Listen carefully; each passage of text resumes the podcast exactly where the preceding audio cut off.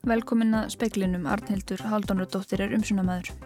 Karlmaður á sjötugsaldri er grunaður um að hafa vorðið valdur að brunanum á Bræðraborgarsti í gær. Þetta kom fram á bladamannafundi lauruglun úr rétt fyrir fréttir. Sóttarnalagnir segir til skoðunar að senda Íslandinga sem koma frá áhættusvæðum í sótkví þrátt fyrir að sínur þeim reynist neikvægt við landamæraskimun. Formaður stjættarfélagsins framsýnari þingæðasíslu segir brínt að tryggja hópnum sem í gær misti vinnuna í kísilveri PSC og bakka atvinnu sem fyrst staðan sé graf alvarleg. Björk Guðmundsdóttir ætlar að halda tónleika á Íslandi í sumar. Með því vil hún bregðast við breyttum aðstæðum tónlistarfólks. Það ræðist á næstu klukkustundum hvort félagsmenn írsku stjórnmálaflokkana þryggja sem hafa komið sér saman um að mynda ríkistjórn fallast á stjórnarmyndunina. Félagsfræðingur segir að meirinn hluta hópurinn í samfélaginu þurfi að taka afstöðu gegn rasisma og ymsir telja að kórunu veiru váin sé brín áminningum hættuna sem heiminum stafi af lofslagsbreytingum. Karlmaður á sjötugsaldri sem handtekinn var við rúsneska sendiráðið við Garðastræti í Reykjavík í gær hefur verið úrskurðaður í viku langt gesluvarðhald.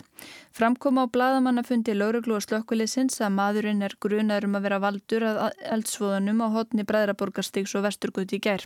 Sangat heimildum fréttastofu byggu um 15 erlendir ríkisborgarar í húsinu.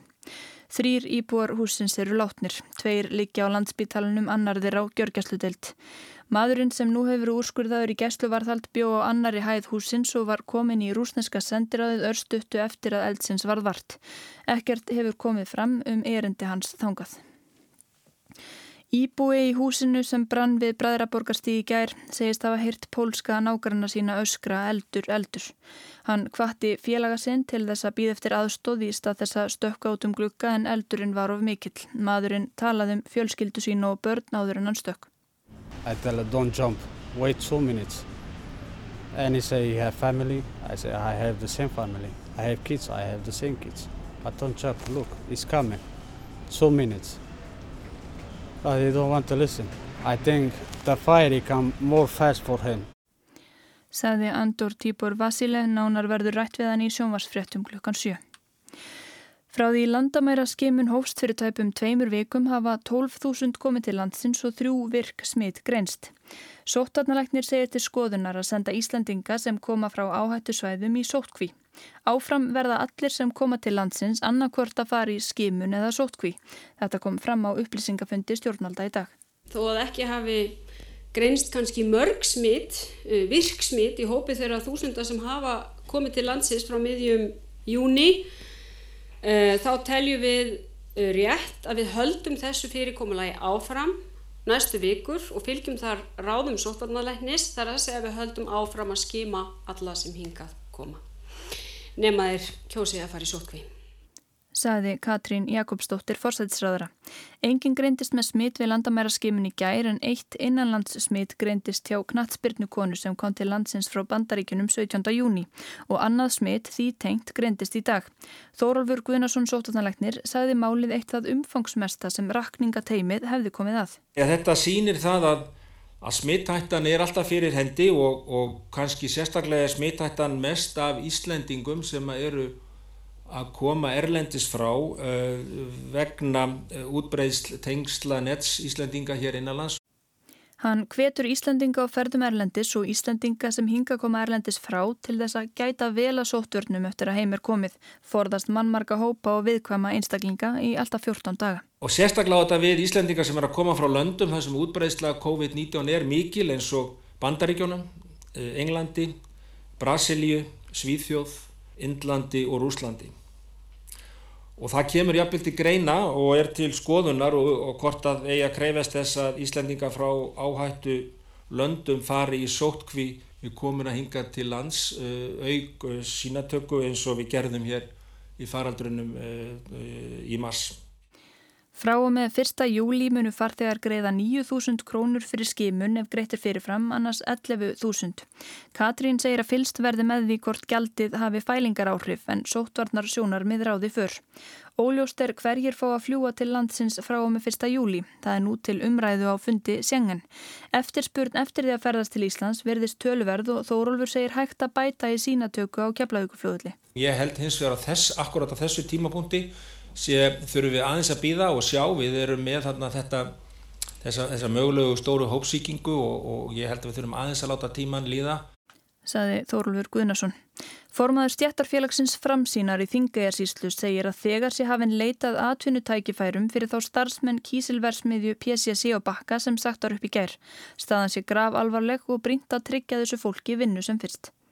Eðlilega er fólki brúðið en það tekur þessu ótrúlega vel. Það er svona, var jafnvel fara að búa sig undir það að erðu eruleikar í rekstri og, og, og sem að tengis bæði markasmálum og eins náttúrulega COVID sem er að fara ítla með fyrirtæki á Íslandi í dag.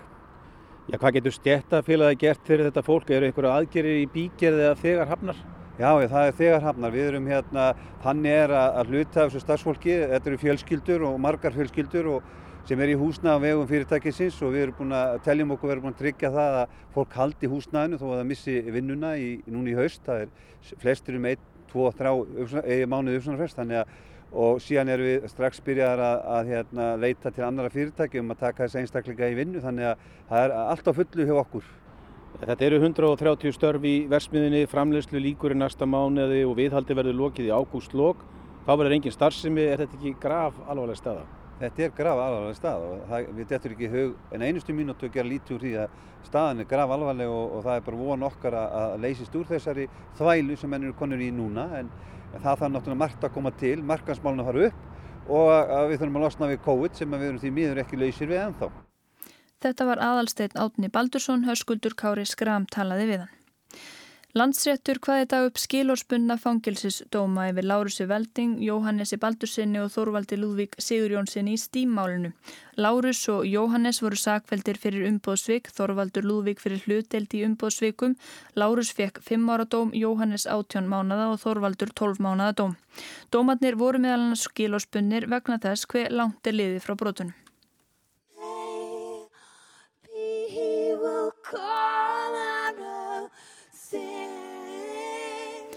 Björk Guðmundsdóttir ætlar að halda tónleika á Íslandi í sumar með fjölda valin kunra tónlistarmanna.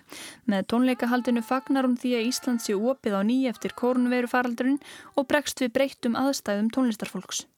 Það sem er búið að gera síðustu tíu árin er að sjófarleikari fá ekki neitt pening lengur út úr plötusölu og fá allur peningurinn kemur út úr því að túra og, og, og síðan ættu við líka að spila ókipis á netinu.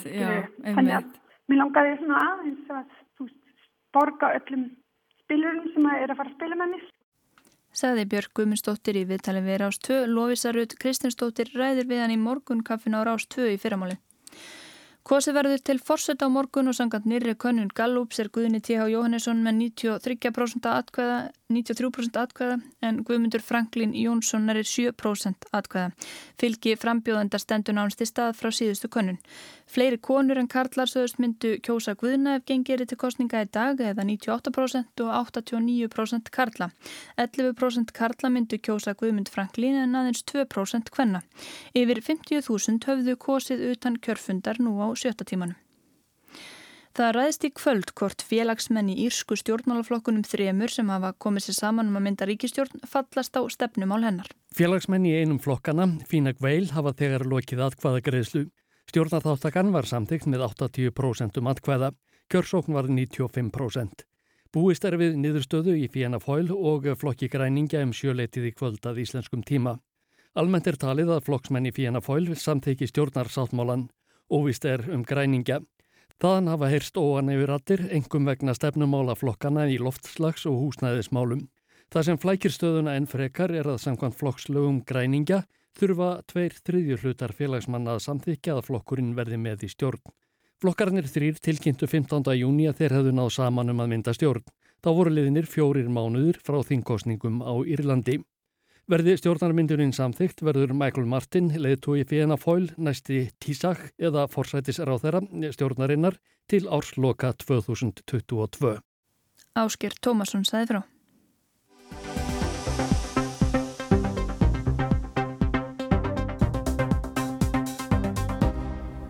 Jóhannes Þór Skúlason, framkvæmdastjóri samtaka ferðarþjónustunnar, segir það áhyggju efni ef ákveðið er það loka og komur bandarískra ferðamenn hingað í lengri tíma eftir 1. júli. Þeir séu mikilvægir íslenskri ferðarþjónustu. Þá hefði það sömulegis áhrif á möguleika Æslandi er til að taka aftur upp eðlilegar flugsamgöngur vestur um haf. Framkom á upplýsingafundi ríkistjórnarinnar að skimunar gjaldið verði 9.000 krónur sem er lægra en til stóð. Jóhannes telur það jákvægt og geta liðkað til fyrir fyrirtækjuferðamenn. Hann telur að ferða ávísun eða vátsjarar gætu virkað vel. Það sem að ferðarskristóður hér á landi gætu keift fyrirfram til dæmis vegna þess að í mörgum tilfellum eru fyrirtækin að greiða þetta en ekki ferðamennir og það myndi þá liðka en betur fyrir og ég veit að það hefur tekið ágætlega í þetta og verið að skoða hvort þetta sé mögulegt í framkvæmd.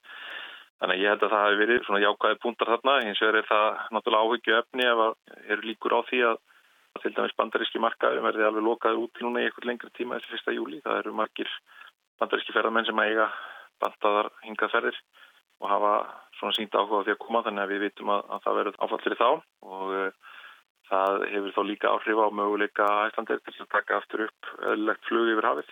Þannig að það er tölvöld áhugjöfni fyrir okkur. Sagði Jóhannes Skömmu eftir að upplýsingafundi lauk. Hann segir að bandarískir ferðamenn skipti íslenska ferðarþjónustu miklu máli og skili mestum verðmætum á hvern ferðamann á dag. Það sé augljóst að fjöldin verði ekki svipur hjá sjón með að við þróun vestanhafs en bandaríkin séu stórt land og aðstæður mismunandi eftir landslutum. Hann segist vita til þess að töluvert séu um að bandarískir ferðamenn eigi pantaðar ferðir hingað og hafi áhuga á lokað yrði á komur bandaríkjamanna? Já, það hefur náttúrulega þær afleiðingar að, að þá getur við ekki tekið við ferðarmönum frá bandaríkjanum og það er, það er ekki, ekki þeim sem að eiga þá hinga panta eða hafa ákváðið að koma. Það myndi auka endugreifslu kröfur á, á til dæmis fyrirtæki sem selja pakkaferðir og er undir þessu sérstöku pakkaferðarlaugjöf sem er, er mjög sterk neytendalaugjöf og sem við höfum nú fjallað um hérna nokkuð í fjölmjölum á hundarförnum mánuðum. Þannig að, að það hefur ímis eh, svona áhrif og, og, og þá ekki síður á, eins og segi, bara flugið og, og möguleikan á því að koma upp eðlilegri flugþjónustu yfir allansafið. Við náttúrulega vorum að vonast til þess að, að það sem að Dómsborða hafi nefnt um að mögulegt væri að, að setja upp í brottvarra eftirlit til meginlands Európu og þannig er raun kannski færa eittir landamæri sengan til í flugstöðinni að það getur verið einhverju möguleikar í því en því miður þá með það sem nýjast hefur komið fram í því þá verðist Európa-sambandið hafa sínt nokkra fermósku gagvart teimi hugmyndum. Þannig að svona eins og staðan veriðist þá veriðist mann ekki mikil mikla líkur á því en, en en við sjáum til, við spyrjum á leikslokum.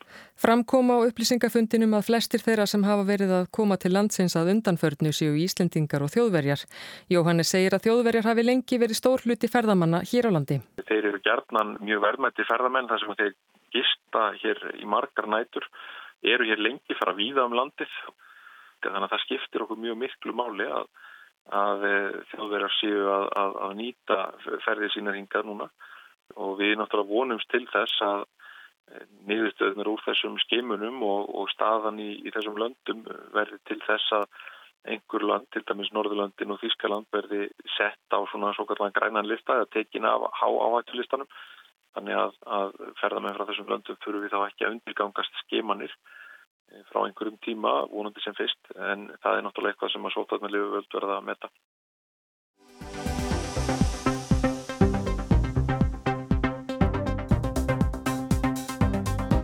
Undanfarið hefur hópur fólks, engum kvenna af erlendum eða blönduðum uppruna stýðið fram á samfélagsmiðlum og í fjölmiðlum, greint frá reynslu sinna fordómum á Íslandi og uppfært fólkum rasisma. Þær hafa líka beðið fólk að leggjast í naflaskoðun og taka til í eigin ranni. Félagsfræðingur segir þögnina ríkja hér. Fólk úr meiri hluta hópnum í samfélaginu þurfi að taka ópimbera afstöðu gegn rasisma. Guðrún Pétursdóttir, félagsfræðingur og framkvæmdastjóri samtakana Intercultural Iceland segir að nú sé komin fram kynsluð sem þórið að láti sér heyra. Þetta er ekki auðvöld, sérstaklega ekki í svona litlu samfélagi þar sem að uh, með hlutahópurinn er alveg til með að láta þig heyra á þau þegar þú ert að, að tala um þína upplöfun uh, gagvart honum. Aftaka Derek Tjóvins, lauruglumanns í Minneapolis á George Floyd svörstum bandaríkjamanni var kornið sem fylgti mælin Vestanhafs. Síðustu vikur hefur rasisma, laurugluofbeldi og morðum lauruglu á svörstum verið mótmælt um allan heim. Í byrjun júni fóru fram samstöðu mótmæli á Östurvelli en það sem að varð til þess að umræðanum rasisma í íslensku samfélagi fekk byrjundir báðavangi var líklega myndband úr færtugsámæli sem uppistandarinn Björn Bræi Björnsson deldi á samfélagsmiðlum. Þar talar grínistinn Pétur Jóhann Sigfússon með reym og þykist veita munmög.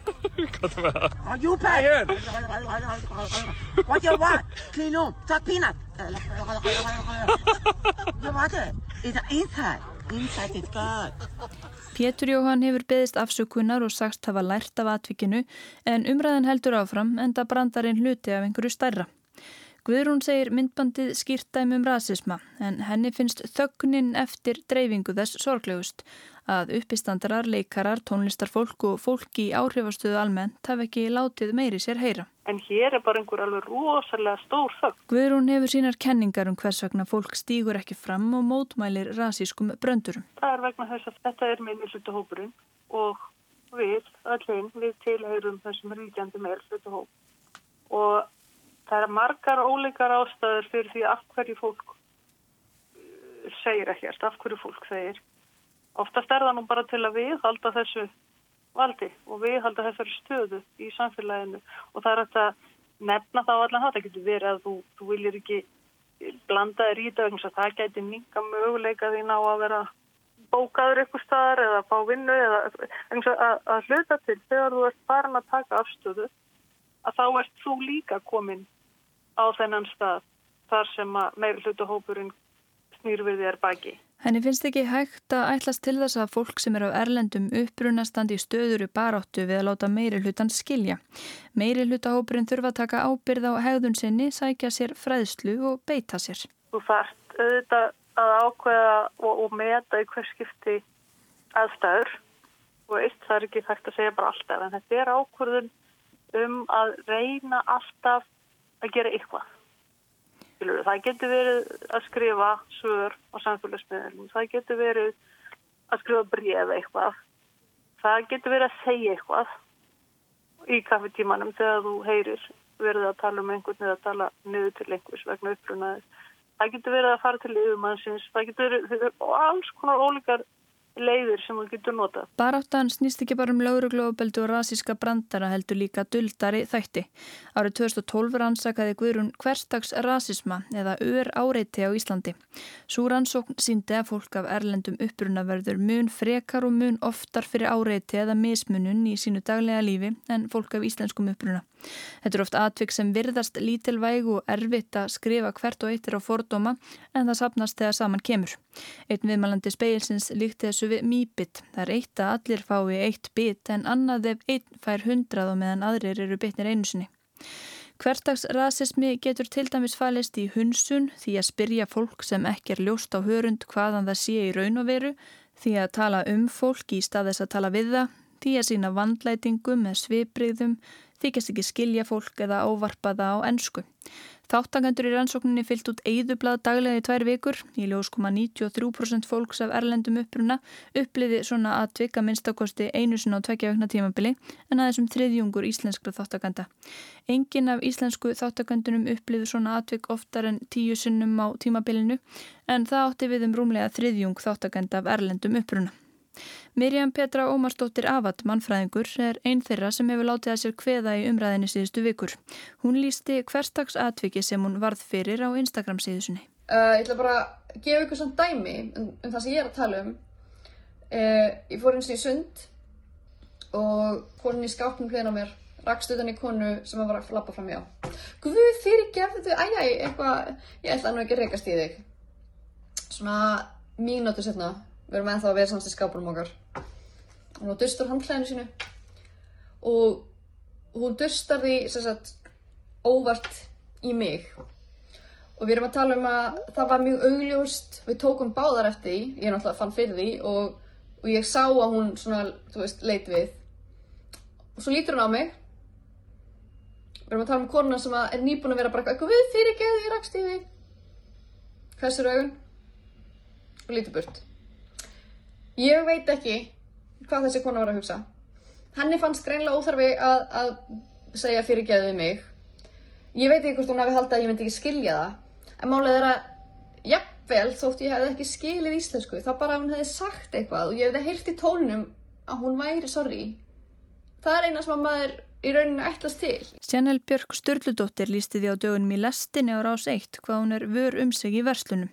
Hún var nýlega stoppuð af öryggisverði í bónus og beðin um að sína hún í töskuna sína. Já það fór mjög mikil svona sjálfskoðun í gangi hjá mér. Var hann að stoppa mig að því að ég er brún eða var hann að sinna vinnunni sinni mm. og ég bara veit það ekki ennþá. Mm. Og, en þú veist, einmitt það að ég þurfi að fara oft veist, í þessu svona pælingu um bara tilvist mína í samfélaginu veist, er ég tekin sem hlut af samfélaginu eða veist, er ég bara litin á sem einhver brún manneskja einhver staðal ímynd sem er að stela í búðinni. Hún bendir á að rasismi sé kerfi sem allir séu hluti af, líka fólk sem er dögt á hörund. Ég bara sjálf þurfti að fara í mikilvæg svona, svona fræðslu til þess að áttu mig á þessari svona mismunum og hvað þetta þýðir mm -hmm. að þegar maður er, verður einhvern veginn líka bara blindur fyrir þessu þegar er, það eru allir einhvern veginn í þessu kerfi að halda það að vera kvítur og hörund það sé staðallin bara fyrir því að vera til. Margir þáttakendana í rannsók Guðrúnar nefndu um eitt að þeir hafi farið að taka betur eftir uráreitinu í hversteginum eða taka aftur eftir atvikum sem þeir höfðu vanist í að lenda reglulega í. Guðrún segir að það megi ekki vannmeta þetta sí endurtakna áreiti. Það sé hættulegt fyrir líðan og heilsu fólk sem fyrir verður. Hún segir að það sé engin skömm í því að segja eitthvað í hugsunarleysi, fá ábendingu og byggast afsökunar. Rasisma fylgir nefnilega ekki alltaf ásetningur. Hún segir fyrst að skrefið að hlusta á upplifin fólks og trúa því án þess að segja en. Það sé ekki hlutverk meiri hlutans að ákveða, hvort eitthvað sé særandi eða hamlandi fyrir aðra. Sumir talum að það megi ekkert lengur. Guðrún segir að fólki þessum hópi þurfa veltaði fyrir sér hvers vegna það vilji segja ákveðna brandara eða orð hvort það vilji særa eða niðurlæga? Oftast er svarið nei, ég, ég vil það ekkert, en það er ekkert enn. Það er bara ef þú vilt það ekki, ekki gera það þá. Ef þú gera samt, þá er það því vilt það. Konurnar sem hafa stíðið fram undanfarið segjast vilja benda á það sem betur má fara í samfélaginu. Mirjam Petra orðar það svona. Í mínum huga, þegar ég er að tala um forduma og benda á þá, þá er það ekki aftur að ég hata Íslands samfélag. Ég elska Íslands samfélag þetta er samfélagi mitt og ég er að rína í það til gagns. Ég vil byggja það upp þannig að öllum líði vel í það. Ekki bara einhverjum fáum útvöldum með öðruvísi melatonin samblöndu í húðinni heldur en ég, heldur bara okkur öllum. Þannig að ekki taka þessu persónlega eins og ég sé að ráðast á þig eða væna þig um einhverja fordóma. Ég er að benda þér á eitthvað og þegar fólk bendir manni á einhverja slæma reynslu sem það lendir í, þá hlustar maður. Reynir að hugsa hvað get ég gert til þess að bæta reynslu þessar mannski? Hvað get ég persónulega gert til þess að stoppa það að aðrir hegði sér á þann hátt sem kemur illa fram með aðra? Og það gerum við þegar fólk lendir í einelti, eða fólk lendir í áreiti. Við ættum að gera það líka þegar fólk lendir í fordómum.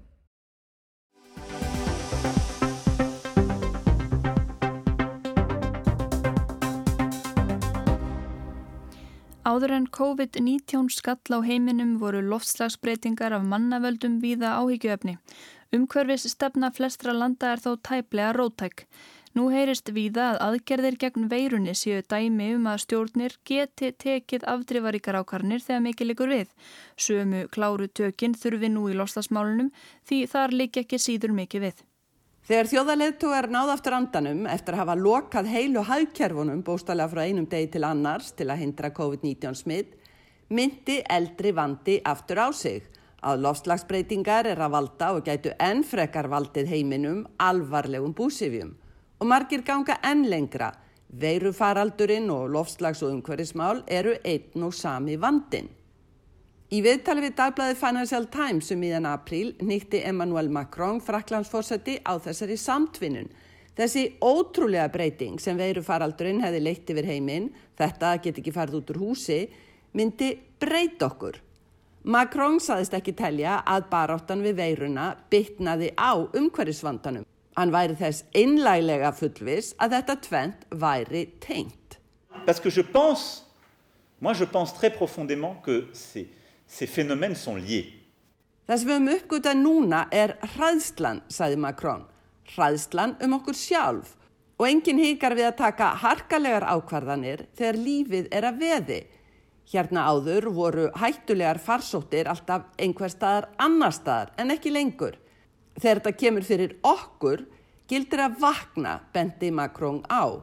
Bóðskapur hans til þróaðra þjóða er að býða ekki eftir að vakna upp við aðra eins vá vegna lofslagsbreytinga og heilbreyðs vána sem við glýmum við núna. Quand ça vous arrive, réveil. Je dis à tous les pays développés, n'attendez pas le réveil climatique pour vivre ce qu'on est en train de vivre sur le plan sanitaire. Macron er fjarrið því eini þjóðarleitóin sem hefur tekið þannan pól í hæðina, tengir saman veiruvána og lofslagsmálinn. Bæði Angela Merkel, Þýskalandskanslari og Boris Johnson fórsætsræður að breyta var tekið sama streng. Merkel hefur reyndar ekki sínt áþrjámanleg tök í lofslagsmálum, ekki einfalt í bílalandinu mikla og Johnson hefur ekki sínt sérlega sannfarandi áhuga á umhverfis og lofslagsmálum. Anstæðingar ansægja það meðal hann að stafa því kaldamati að kjósendur í fátakari landslutum Bretland sem klárlega komu breska íhjálpsfloknum til valda í desember telji umhverfismálin ekki forgangsmál. Evrópusambandið setti nýja umhverfistefnu á ottin í fyrra. Keppi keppli Úrsulu von der Leyen sem tók við sem fórseti framkvæmda stjórnar ESB í fyrra haust er að ná einhverjum árangri í þeim efnum. Í ávarfi á ráðstöfnum umhverfismál í lok april tengdun þessa stefnu við COVID-19 veiruna. Nú þegar allt væri lokað gætu við vissulega andað að okkur reyna lofti en áður. Við sæjum hvað náttúran næði sér fljótt og streik. En við skildum ekki láta þetta villa um fyrir okkur. Við næðum kannski tökum á veirunni en það veri langt í að við næðum tökum á umhverfismálunum. Wir sehen, dass sich die Natur wieder erholt. Allerdings sollten wir uns davon nicht täuschen lassen. Vielleicht mögen wir das Coronavirus in den Griff bekommen, aber den Klimawandel bekommen wir noch lange nicht in den Griff. Von der Leyen nýtti á að vistvanar fjárfestingar í anda nýja græna samkómulagsins eða New Green Deal sem stefnan kallast á ennsku eigi að gera hagvöxt sjálfbæran, auka lífskeiðin og rýfa ESB-löndin upp úr efnarsræmingunum sem fyldu í kjölfar veirunar. En flerin stjórnmálaleðtóar hafa þurft að hugsa málun upp á nýtt. Um hverju samtökin Extinction Rebellion settu svipsinn á Breitlandi fyrra með mótmælum sem stöðfuðu mannlífið í London og hliðstað samtök hafa víða sprottið upp. Þegar veirufaraldurinn kom upp, lögðust leðtóar bresku samtakana undir feld meðal annars til að nikja á að faraldurinn og umhverjismálinn yrð ekki aðskilinn, higgjast hafa það leiðarljósi í framtíðinni. Munurinn á veiru aðgerðum stjórnmálamanna á nokkrum dögum og vikum og svo aðgerðum eða aðgerðaleysi í umhverfismálum gæti varla verið meiri. Mikið rétt, veiran er afmarkað viðfangsefni, lofslagsmálinn floknari en vísindamenn hafa lengi bent á skýr úrræði. Það verður sannlega áhugavert að sjá hvort og hvernig einstakum löndum tekst að gera aðgerðir í lofslags- og umhverfismálum jafn afdráttalösar og aðgerðirnar gegn COVID-19 verunni. Segrún Davísdóttir saði frá. Það var helst í speklinum í kvöld að Karlmaður á sjötugsaldri er grunaður um að hafa orðið valdur að brunanum á Bræðraborgastíði í gær. Þetta kom fram á bladamannafundi lauruglu rétt fyrir fréttir. Sóttvarnalagnir segir til skoðunar að senda Íslandinga sem koma frá áhattusvæðum í sóttkví þrátt fyrir að sínur þeim reynist neikvægt við landamæraskimun. Frangatastöri samtaka ferðarþjónustunar segir áhyggjöfni ef lokað verður á bandaríska ferðamenn lengi eftir 1. júli. Formaður stjættarfélagsins framsýnar í Þingaðasíslu segir brínt að tryggja hópnum sem í gær misti vinnuna í kísilveri PCC og bakka atvinnu sem fyrst í staðan sé graf alvarleg. Björk Guðmundsdóttir ætlar að halda tónleika á Íslandi í sumar með því vill hún bregðast við breyttum aðstæðum tónlistarfólks. Það ræðist á næstu klukustundum hvort félagsmenn írsku stjórnmálaflokkana þryggja sem hafa komið sér saman um að mynda ríkistjórn fallast á stjórnarmyndununa. Félagsfræðingur segir að meiri hluta hópurinn í samfélaginu þurfi að taka afstöðu gegn rasisma og ymsir telja að kórónu veiruváin sé brín áminningum hættuna sem heiminum stafi af loslasbreytingum. Veðurhorfur um helgina, austlæg eða breytilega átt í dag víða 3-8 metrar á sekundu og ryggning eða skúrir en þurft að kalla austalands fram á kvöld.